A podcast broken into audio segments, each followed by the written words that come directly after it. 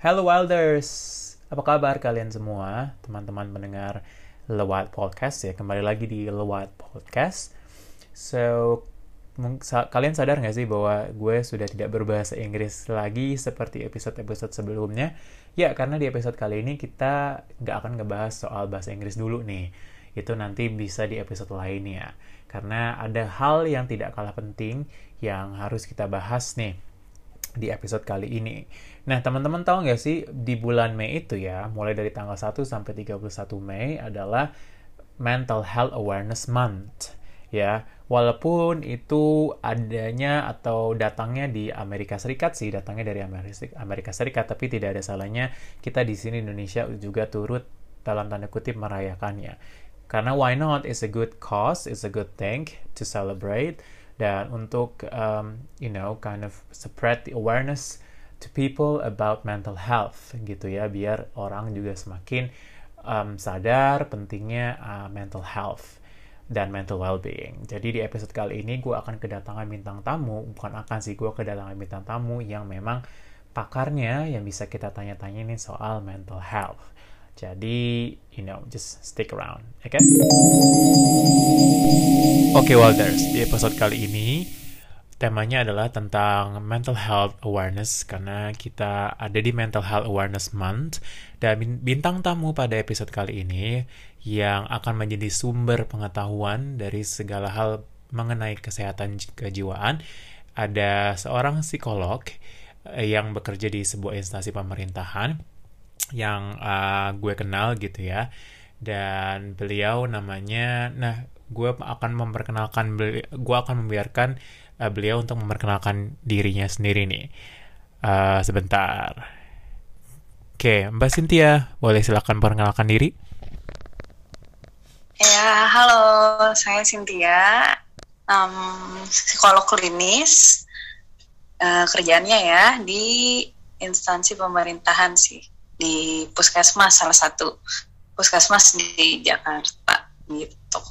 Kalau boleh tahu udah berapa lama tuh Mbak jadi psikolog atau di puskesmas itu sendiri? Hmm, kalau jadi psikolognya sih dari 2017 ya. Nah, tapi kalau di di puskesmasnya itu 2018. Oke, jadi um, apa nih namanya Mbak Sinta ini udah psikolog yang mumpuni ya lah jadi kayak semua hal yang berkaitan dengan kesehatan kejiwaan pasti bisa di apa namanya dibantu diselesaikan oleh Mbak Cynthia. Nah Mbak Cynthia nih karena bulan Mei ini adalah Mental Health Awareness Month, jadi aku pengen ngajak nih supaya kita ayo dong kita ngobrolin sesuatu yang mungkin bisa berguna nih buat teman-teman yang mungkin pada belum aware nih soal mental healthnya mereka gitu ya. Nah, yang pengen aku bicarakan nih di episode pertama kali ini dengan Mbak Cynthia nih adalah mengenai uh, loneliness ya atau kesepian gitu. Kayaknya ini menjadi momok nih buat orang ya pada zaman sekarang ya, di mana kayak uh, orang semua pada sibuk di sosial media, di internet gitu ya. Uh, malah mereka melupakan orang yang benar-benar ada di hidupnya dia gitu. Jadinya uh, walaupun teknologi membantu untuk mendekatkan yang jauh, tapi malah membuat yang yang dekat jadi jauh. Ya, jadi malah menyebabkan masalah baru kayak yang menurut saya itu adalah loneliness gitu. Nah, sebenarnya apa sih kesepian itu Mbak Cynthia atau loneliness itu? Oke, jadi kalau kesepian itu kan sebenarnya kalau mau ditarik secara ilmiah itu uh, pasti banyak banget ya teori-teori tentang loneliness dari pakar-pakar gitu ya dari macam-macam lah ahli-ahli. Nah tapi kalau bisa diambil kesimpulannya um, kesamaannya dari uh, definisi yang mereka katakan itu ada suatu perasaan terisolasi gitu dari uh, hubungan jadi absen adanya keabsenan uh, intimisi gitu kedekatan. Jadi dia merasa kok kayaknya sendiri. Uh, tapi mungkin uh, bukan secara fisik sendiri. Jadi dia nggak punya apa ya artinya pra, ada perasaan terisolasi dari lingkungan di luarnya gitu. Nggak ada attach hmm. atau keterikatan emosional dengan orang lain seperti itu Nah, menarik tuh. Tadi Mbak Cynthia bilang satu kata yang mungkin juga jadi keyword nih, yaitu sendiri atau alone. Jadi sebenarnya apa sih Mbak bedanya alone dan lonely gitu? Apakah kita bisa merasa lonely padahal kita nggak sendirian? Hmm, bisa banget. Bisa banget nih contohnya. Contohnya aja nih di uh, stasiun misalnya sebelum COVID hmm. atau di bandara itu nggak sendirian loh kita. Iya betul.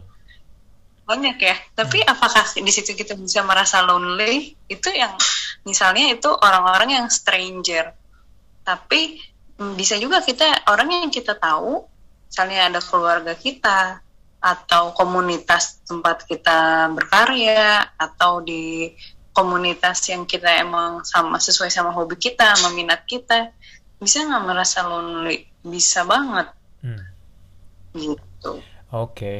Jadi karena kita lagi pandemi nih ya Mbak Cynthia, terus tadi juga ada satu kata yang Mbak Cynthia sebut itu merasa terisolasi. Nah itu apa ya sangat sangat berhubungan dengan sebenarnya apa yang disarankan pemerintah nih untuk kita mengisolasi diri sendiri ya karena kita ya obviously nggak bisa keluar keluar karena takut karena persebaran covid dan lain sebagainya gitu. Nah apa sih sebenarnya uh, tanda-tanda gitu ya yang signifikan ketika kita mengalami kesepian gitu? Terutama nih lagi isolasi gini kan uh, siapa tahu ada yang tinggal sendiri gitu tapi harus isolasi harus uh, eh, WFH dan semuanya di rumah gitu. Bagaimana orang-orang ini bisa akhirnya mengerti oh gue tuh uh, kesepian gitu? Hmm, sebenarnya nggak ada di exact yang uh, yang pasti gitu ya nggak ada yang pasti kayak gimana tapi mungkin aja setiap orang ngerasa ini yang berbeda-beda. Tetapi ketika orang misalnya saya bilang oh orangnya merasa nggak nyaman gitu. Orang nggak nyaman kan bisa mungkin bisa karena kesepian mungkin juga karena dia kelaparan atau mungkin dia karena pengen jalan-jalan gitu. Hmm. tetapi ketika kesepian uh, dilihat dari ada nggak hubungan yang dia punya saat itu gitu? Atau dia uh, kok gue ada nyari kok kayaknya gue udah uh, hang out sana sini atau mungkin bukan hang out ya kan sekarang nggak boleh gitu. Bukan uh, tidak disarankan. Hmm. uh, mungkin dia udah zoom sana sini seminar sana sini tapi kok enggak ya malah akhirnya bukan cuma kesepian tapi burn out juga gitu. Karena udah kebanyakan ngelihat screen gitu ngelihat layar um, handphone atau ngeliat uh, zoom gitu. Jadi selain kesepian nanti dia ada burnout juga gitu. Jadi kalau misalnya dia kesepian itu apakah dia uh, merasa puas karena sifatnya personal ya? Apakah dia ngerasa puas atau dia uh, ada perubahan enggak dalam kehidupan dia sehari-hari? Misalnya jadi sering makan jadi lebih sering tidur gitu untuk menghindari rasa kesepian itu rasa tidak nyaman itu I see. Oke, tadi yang aku tangkap nih ya Mbak dari Mbak Cynthia tuh Mbak Cynthia dibilang ada kayak perasaan kayak kehilangan koneksi gitu dengan dunia luar gitu. Nah, uh, yang bikin penasaran tuh kayak apa sih sebenarnya? Jadi apakah itulah yang penyebab awal dari perasaan kesepian itu? Kalau memang iya, gimana caranya seseorang bisa merasa kayak dia excluded atau merasa kehilangan koneksi dengan orang atau dunia luar sehingga membuat dia jadi kesepian. Apakah ada misalkan bad childhood gitu atau ada trauma atau gimana tuh mbak? Hmm, ada dua faktor ya. Ada dua, uh, jadi ada faktor dari dalam diri, ada juga faktor dari lingkungan. Kalau dari lingkungannya misalnya memang dia mungkin dulunya sering dibully gitu ya. Jadi atau dia sering dibanding-bandingkan jadi ngerasa uh, insecure juga gitu. Jadi jadi dia ngerasa kesepian gitu. Jadi efek dari bully efek dari insecure itu dia bisa jadi ngerasa kesepian gitu. Karena kok ngerasanya nggak ada yang sayang sama dia gitu. Kok dia nggak nggak uh, pernah cukup gitu. Itu bisa membuat uh, seseorang itu merasa kesepian. Itu dari uh, lingkungan. Memang lingkungannya seperti itu. Tapi ada juga yang memang lingkungannya dia sebenarnya udah uh, kayak memberikan tetapi memberikan perhatian afeksi dan lain-lain. Tetapi ditangkap dengan salah gitu. Sinyalnya nggak nggak satu frekuensi. Artinya dia mungkin bahasa cintanya berbeda gitu. Bahasa kasihnya tuh berbeda artinya dia merasa kalau misalnya uh, ditemenin itu baru orang sayang atau merasa uh, ada orang di sekeliling dia. Tetapi uh, mungkin orang yang di sekeliling dia itu tidak seperti itu bahasa kasihnya. Tapi menunjukkannya misalnya dengan memberi barang terus uh, pokoknya apa apa dibeliin apa apa dikasih gitu karena orangnya tuh udah orang-orang tuh udah bilang enggak kok itu perhatian kok sama kamu apa kita ngasih buat kamu gitu gitu yeah, ya yeah. jadi ada dua faktor nah hmm. bisa juga kayak gini nih kayak misalnya uh, tadinya dia dibully gitu ya atau dia tadinya di diasingkan gitu hmm. tetapi uh, seiring berjalannya waktu dia pindah ke lingkungan yang perhatian sama dia. Itu juga uh, bakal nggak maksudnya kita itu itu harus belajar juga bahwa dia bisa menerima itu supaya dia kesepian gitu. Supaya pemikiran dia yang dulu karena yang dulu udah terbentuk bahwa aku ini kesepian karena lingkungan ketika di lingkungan baru kok perhatian dia bisa jadi bingung gitu. Dan malah akhirnya memunculkan perilaku yang membuat orang lain ya udah deh kalau emang lu mau sendirian aja gitu Oh malah bukannya jadi hilang kesepiannya tapi malah bisa ber, ber, berdampak yang lebih buruk gitu ya? Mm -mm, bisa bisa tapi bisa juga hilang. Jadi kan uh, itu makanya uh, personal ya, nggak hmm. ada rumusnya gitu untuk bagaimana kesepian ini setiap orang kan bisa aja beda-beda gitu tapi pada umumnya ada kemungkinan kemungkinannya seperti itu Iya sih, kesehatan jiwa ini sangat amat rumit ya, mual manusia rumit sih memang. Maksudnya kayak nggak ada yang satu tambah satu sama dengan dua gitu. Jadi apa yang dialami satu individu mungkin akan berbeda dengan individu yang lain ya gitu ya Mbak ya. betul. Nah, Uh, kalau boleh memberikan solusi, bukan solusi, mungkin saran kali ya. How to overcome loneliness? Gimana sih cara mengatasi kesepian? Apakah nih, apakah dengan kita go out there, mencari aktivitas baru, berkumpul dengan orang-orang atau komunitas-komunitas, itu akan membantu mengatasi atau menghilangkan kesepian? Hmm, bisa sih membantu jadi kan ada hal-hal yang bisa membantu, ada hal-hal yang enggak. Uh, kalau misalnya itu itu bisa jadi salah satu opsi, dicoba aja dulu gitu. Nanti kalau misalnya emang cocok, kita coba lagi cara yang lain gitu. Misalnya ya, tapi bisa juga ya uh, apa namanya? Ada orang yang memang tadi kan bukan berarti bisa juga tetap merasa kesepian ya karena kan tadi walaupun banyak orang bisa aja dia tetap sepi jadi masalahnya tuh bukan dia pergi ke mana atau dia apa gitu ya dia sendiri tapi masalahnya tuh dia membangun koneksi apa tidak gitu hmm. dengan seseorang apa atau dengan sesuatu I see. gitu karena dia uh, bisa main musik tuh hmm. misalnya dia berkoneksi dengan alat musiknya gitu. Bisa aja dia jadi nggak kesepian lagi. Ah uh, oke. Okay. that's interesting. Dia uh, uh, atau dia punya koneksi untuk uh, dia tuh di komunitas membela kaum dia sangat misalnya membela disabilitas gitu memperjuangkan hak-hak disabilitas gitu. Hmm.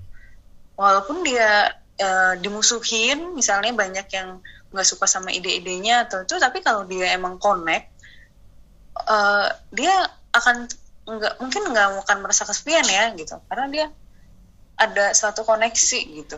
Dalam hatinya bahwa dia tuh uh, berhu terhubung dengan yang lain gitu. Jadi kan bisa tapi bisa juga dia di satu satu apa namanya uh, ini banyak terjadi nih kalau misalnya ada orang-orang yang udah mencapai posisi atas ya dalam suatu perusahaan atau organisasi. Banyak yang kesepian gitu. Hmm. karena ya mungkin harus lebih hati-hati percaya sama orang. Harus lebih waspada. Akibatnya koneksinya juga nggak terlalu uh, banyak atau enggak atau memang sangat-sangat dibatasi gitu. Jadi banyak yang justru yang kesepian gitu hmm, menarik nih uh, bahwa Sani sebenarnya untuk me mengatasi kesepian kuncinya itu adalah untuk memba membangun koneksi ya uh, mau dengan apa pun hmm. mau dengan siapa pun yang penting ada koneksi itu berarti gitu ya mbak. Oke. Okay. Gitu. Jadi mungkin Wilders nih atau pendengar kita kalau lagi yang merasa kesepian dan gak ada gak ada seseorang atau orang-orang yang bisa diajak untuk berkoneksi mungkin bisa lebih fokus untuk mengerjakan apa yang mereka senangi kali ya misalkan kalau suka baca membaca buku yang mereka senangi gitu kali ya mbak kalau suka musik main musik gitu ya mm betul oke okay, kalau dia suka olahraga hmm. olahraga gitu oke okay. tapi uh, ada satu tiba-tiba kepikiran nih kayak concern. Kalau misalkan dia terlalu terlalu masuk ke dalam konektivitas dengan hal lain di luar manusia, apakah akan membuat mereka jadi uh, antisosial? Nah, sebenarnya kayaknya uh, termnya antisosial juga mesti diluruskan dulu deh. Oke. Okay. Nah, karena kalau di termnya psikologi antisosial itu artinya uh, dia itu manusia yang kejam gitu oh. yang nggak yang nggak berperasaan. Artinya dia tega tegaan lah. Mm-hmm. dan itu udah masuk kategori abnormal. Tapi mungkin saya paham sih yang uh, mungkin ya di yang dimaksud uh, Vicky itu uh, ini ya apa namanya jadi tidak mau berhubungan dengan manusia lagi gitu maksudnya yes, ya. betul betul. Kayak misalkan gini ada yang uh, apa adiksinya terhadap uh, film porno gitu kan. Jadi kayak ya udah mengurung diri aja nonton film-film kayak gitu gitu. Sam sampai-sampai nggak pernah ber bersosialisasi gitu. Nah itu kan berarti udah masuk kategori yang nggak sehat ya. Hmm. yang udah uh, apa namanya udah artinya gini ke, itu kompensasi dari rasa kesepian gitu. Ah, iya. berarti dia dia masih merasa kesepian berarti dia tidak terkoneksi gitu ah oke okay. dia hanya kayak mereplace kesepiannya dengan hal lain iya, gitu ya ah. iya bukan mengisi bukan membangun koneksi okay. gitu oke okay. itu kompensasi karena itu jadinya eh, jadinya berlebihan tidak hmm. sehat hmm. sedangkan kalau kita koneksi dengan orang dan tidak merasa kesepian itu kita um, bicaranya di yang normal aja gitu yang memang memang saya karena saya tahu saya punya terkoneksi dengan orang lain dan merasa aman jadinya nggak kesepian. Bukan berarti akhirnya harus jadi kompensasi menyibukkan diri apa segala macam jadinya burn out iya, gitu. yeah, yeah. malah jadinya uh, berlebihan ngerusak diri sendiri atau merusak hubungan dengan orang lain. Iya iya gitu. iya. Ternyata manusia sekompleks itu ya. Lu pusing gak sih mbak jadi psikolog? Lumayan. Oke, okay. mungkin gitu. adalah gue ditunjukkan jalan yang benar bahwa pada akhirnya nggak jadi psikolog. Padahal dulu pengen jadi psikolog. well anyway, um, dalam kapan sih kayak seseorang itu uh, sudah harus mencari bantuan ketika dia merasa kesepian gitu. Maksudnya dari, sampai tahap apa dia harus oke okay, mencari bantuan nih, misalnya ke psikolog atau ke psikiater gitu. Oke, okay, kalau misalnya itu yang tadi ya hmm. udah uh, merusak merasa diri sendiri tuh udah butuh dibantu untuk uh, artinya dia sudah uh, uh, sudah um, berbeda gitu menjadi orang yang berbeda itu kok dia ngerasa aware gitu? Atau orang-orang di sekelilingnya mengatakan bahwa kok lu sekarang jadi lebih pendiam sih? Kok lu kayak ada perubahan-perubahan yang mungkin mengganggu sosialnya dia ataupun diri dia sendiri? Kayak misalnya sepian nih jadi malas ngapa-ngapain jadi males mandi jadi nggak pernah mandi lagi karena saking malesnya atau nggak jadi males makan makan gitu jadi nggak makan atau makan berlebihan hmm. atau tidur berlebihan atau malah nggak bisa tidur hmm. gitu itu yang udah sangat mengganggu itu itu kan ngaruhnya ke kesehatan fisik juga hmm. itu rasa kesepian rasa kesehatan psikis yang mengganggu kesehatan fisik gitu hmm. itu sih kalau misalnya dia udah merasa dirinya dia itu kok udah beda ya kok udah malah tidak seperti apa yang diinginkan gitu. Oke. Okay. Apakah hoarding atau bahasa Indonesia apa ya? Penimbunan adalah salah satu uh, gejala eh bukan gejala ya, gejala dari kesepian. Hmm, maksudnya menimbun barang-barang gitu. Uh, uh, kan suka ada tuh sekarang rame di sosmed tuh mbak di TikTok atau di Instagram adalah anak kos yang kamarnya oh. isinya oh. sampah semua atau apa semua gitu kan lagi oh, rame itu, tuh istilah hoarding tuh. Nah, itu apakah tanda-tanda kesepian? Wah, itu kompleks banget ya karena itu salah satu bagian dari uh, bagian dari disorder dari OCD obsessive compulsive disorder itu bagian dari uh, disorder itu dan itu tidak bisa didiagnosa atau tidak bisa dikesimpulan dari satu saja gitu.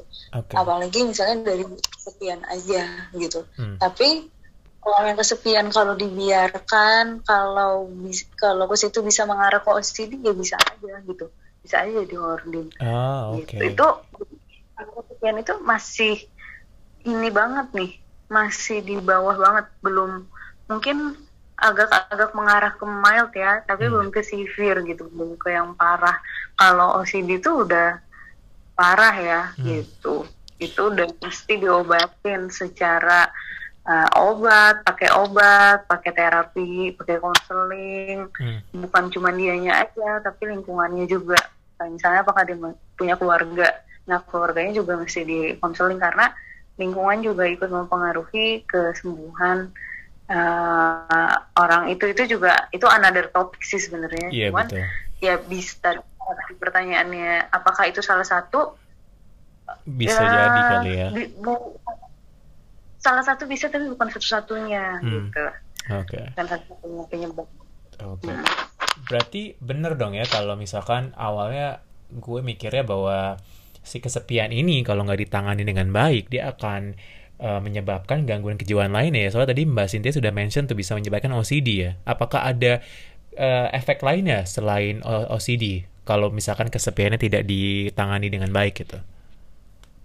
bisa macam-macam bisa mengarah ke depresi bisa delusi bisa apakah mengarah bisa ke uh, kayaknya sih semua bisa ya tergantung ada kadar-kadarnya ya hmm. gitu loh maksudnya okay. uh, itu bukan cuman bukan bisa salah satu faktor jadi penyebab gangguan jiwa atau uh, gangguan gangguan mental hmm. tapi itu bukan satu-satunya gitu hmm. uh, jadi loneliness ini atau kesepian ini bukan dijadikan sebagai satu-satunya atau raja atau ratunya penyebab dari uh, disorder atau gangguan suatu gangguan mental tapi bisa sal jadi sal salah satunya bisa gitu hmm. Tapi dia nggak berdiri tunggal nggak berdiri sendiri gitu. Nah yang jadi concern adalah uh, ketika merasa kesepian itu itu coba seeking help nggak apa-apa gitu. Artinya bukan bukan harus ke psikolog nggak gitu ya.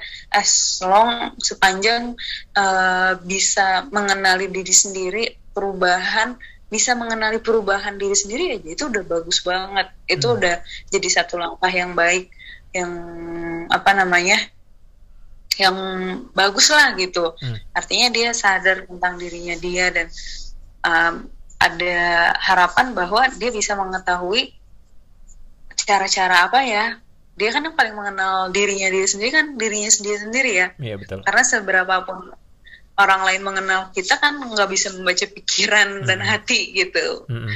Gitu jadi harapannya ketika orang udah aware bahwa dirinya kesepian itu kita kita punya harapan bahwa orang itu bisa mengendalikan rasa kesepiannya bisa mengolah rasa sepinya gitu. Oke, tadi Mbak Cynthia udah Mbak Cynthia udah mention untuk you know kalau udah merasa terganggu dengan kesepiannya, baiknya cari bantuan ke psikolog. Tapi pun nggak selalu selamanya harus ke psikolog, bisa kayak self healing sendiri atau self medication dengan cara mengenal diri sendiri. Mm -hmm. Nah, kalau bisa kalau meditasi gimana tuh Mbak Cynthia? Apakah bisa membantu? hmm, tergantung meditasi meditasi juga udah banyak banget Hmm, jenisnya ya hmm. Hmm, Kalau yang general eh, general meditation gitu yang uh, apa nutup mata, inhale, exhale gitu, terus fokusin pada satu hal gitu. Itu gimana tuh? Bika- apakah bisa membantu? At least mungkin nggak menghilangkan ya. Ya namanya juga kesehatan jiwa kan kayak nggak bisa 100% hilang gitu kan. Tapi kalau bisa membantu dia lebih tenang, lebih lebih tidak merasa sepi gitu. Mm-mm, bisa dong. Artinya ketika meditasi itu kan dia eh, terkoneksi dengan dirinya dia gitu, Hmm. at least gitu ya. Terkoneksi dengan ka- karena kan tarik napas pada saat menarik napas merasakan udara Hmm. dengan indera-inderanya dia lebih aware gitu ya. Hmm. Itu bisa sih. Oke, ya tuh berarti eh, apa namanya? Oh, apakah ada saran-saran lain nih untuk mungkin pendengar atau wilders nih? gue panggil pendengar se wilders nih Mbak Cynthia. Em, ketika dia mulai merasa kesepian atau mungkin sudah merasa kesepian, apa sih yang yang mereka benar-benar harus lakukan gitu? Hmm, pada saat kesepian. Mm-mm. Atau udah mau kayak ada tahap-tahap apa udah ada gejala-gejala kesepian gitu? Hmm, ketika kesepian ya, Hmm. Sebelum bicara sama orang lain coba bicara sama diri sendiri dulu Waduh berat. Terus Gitu. kayak dengar dengar kayak gitu langsung kayak nyes gitu di di hati. Oke, oke. Iya, sebelum kita menjangkau orang lain eh, coba menjangkau diri kita sendiri dulu Hmm. gitu karena ketika kita ngomong sama orang lain don't expect atau jangan mengharapkan orang lain itu bisa mengerti Hmm. Ya betul. gitu Even Um, sa- even supaya- psikolog ya belum tentu ngerti kan ya, Mbak ya. belum tentu belum tentu Hmm.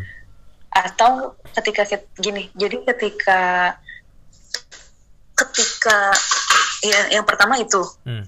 yang kedua adalah ketika kita ngomong sama orang lain kita harus jelas dengan diri kita ekspektasi kita ngomong sama orang lain itu apa Hmm. gitu apakah kita hanya sekedar pengen ngomong aja bahwa kita kesepian Hmm. apakah kita pengen dia temenin kita? Apakah kita cuma pengen dia mengerti kita? Gitu. Supaya apa? Karena eh, nggak bisa ada orang yang bisa mengisi rasa kesepian. Hmm. gitu. I see. artinya eh gua kesepian nih. Hmm.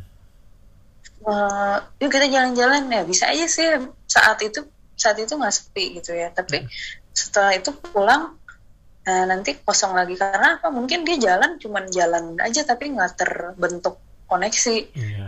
gitu. Raganya dengan di situ tapi jiwanya di mana gitu ya. Mm-mm, mm-mm. gitu. Ya.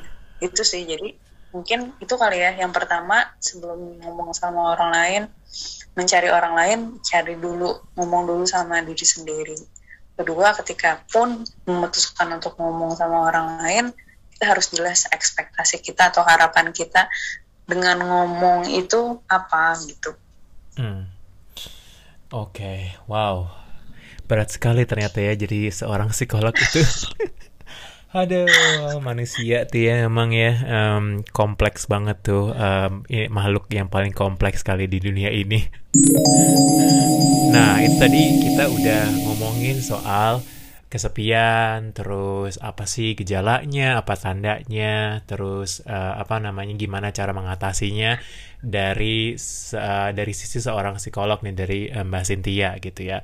Nah, yang tadi gue tangkap sih dari Mbak Cynthia adalah bahwasannya loneliness itu adalah state of mind gitu ya. Jadi semuanya di pikiran kita ya Wilders ya. Um, even kita udah mengil- mengelilingi diri dengan orang banyak, kalau di pikiran kita juga masih mentalnya seperti itu, ya mungkin tetap akan merasa kesepian gitu ya Mbak Cynthia ya. walaupun agak susah gitu ya untuk mengubah apa ya uh, state of mind kita ketika memang sudah misalnya terbentuk dari cara kita dididik, dibesarkan dan lain sebagainya gitu. Tapi uh, bottom line-nya adalah buat teman-teman yang dengar dan kebetulan lagi merasa kesepian, jangan malu untuk mencari bantuan. Ya, kalau tadi Mbak Cynthia bilang, oke, okay, you can go to psychologist ya tapi kalau misalkan dirasa berat atau malu tadi itu berdiskusi dengan diri sendiri ya kontemplasi gitu kali ya mbak atau ngobrol sama temen sama keluarga gitu ya mungkin bisa membantu gitu ya. At least mungkin tidak mengatasi masalahnya tapi mengurangi beban mentalnya kali ya mbak Cynthia. Betul. Yeah. jadi again ini karena lagi mental health awareness month ya teman-teman. Jadi kalau lagi udah ngerasa butuh bantuan please go seek for help. Karena mental health itu sesuatu hal yang menurut menurut gue lebih sulit di di di apa ya di di disembuhkan dalam tanda kutip dibanding sakit fisik kali ya mbak Cynthia ya. Mm-mm. Ya jadi again please go seek for help dan uh, you know bisa dengan mulai mendengarkan um, podcast-podcast kayak gini atau video-video YouTube kayak gini gitu ya bisa membantu lo untuk mungkin uh, mengatasinya sedikit gitu. Oke, okay, mungkin itu sekian dulu untuk episode kali ini nih tentang uh, loneliness ya. I hope Wilder semua pendengar semua bisa mendapatkan sesuatu nih dari Mas Cynthia dan you know bisa segera apa namanya ber berdamai dengan kesepiannya. Nah, Mbak Cynthia punya ini gak sih sosial media mungkin kali aja ada yang mau uh, apa namanya ngobrol-ngobrol gitu. Oh boleh boleh aku ada Instagram sih. Mm-hmm. Itu boleh nggak tuh uh, apakah private atau open tuh eh, Instagramnya? Oh enggak ini open kok open. Oke. Okay. Kadang suka sharing-sharing juga di Instagram. Hmm. Uh, Instagram aku uh, C Charlie Yankee Echo Victor Sierra Chiefs gitu. Oke. Okay. At hmm. Chief itu doang. Oke, okay. nah itu Wilders kalau mau apa namanya diskusi uh, atau tanya-tanya ke Mbak nanti bisa follow di at Chief ya, Charlie Yankee mm-hmm. Echo Victor ya. Iya, S sama Sierra belakang. Oh, ada Sierra. S ada. Oke, okay. iya uh. nanti ada, akan ada di uh, apa namanya di description dari episode kali ini.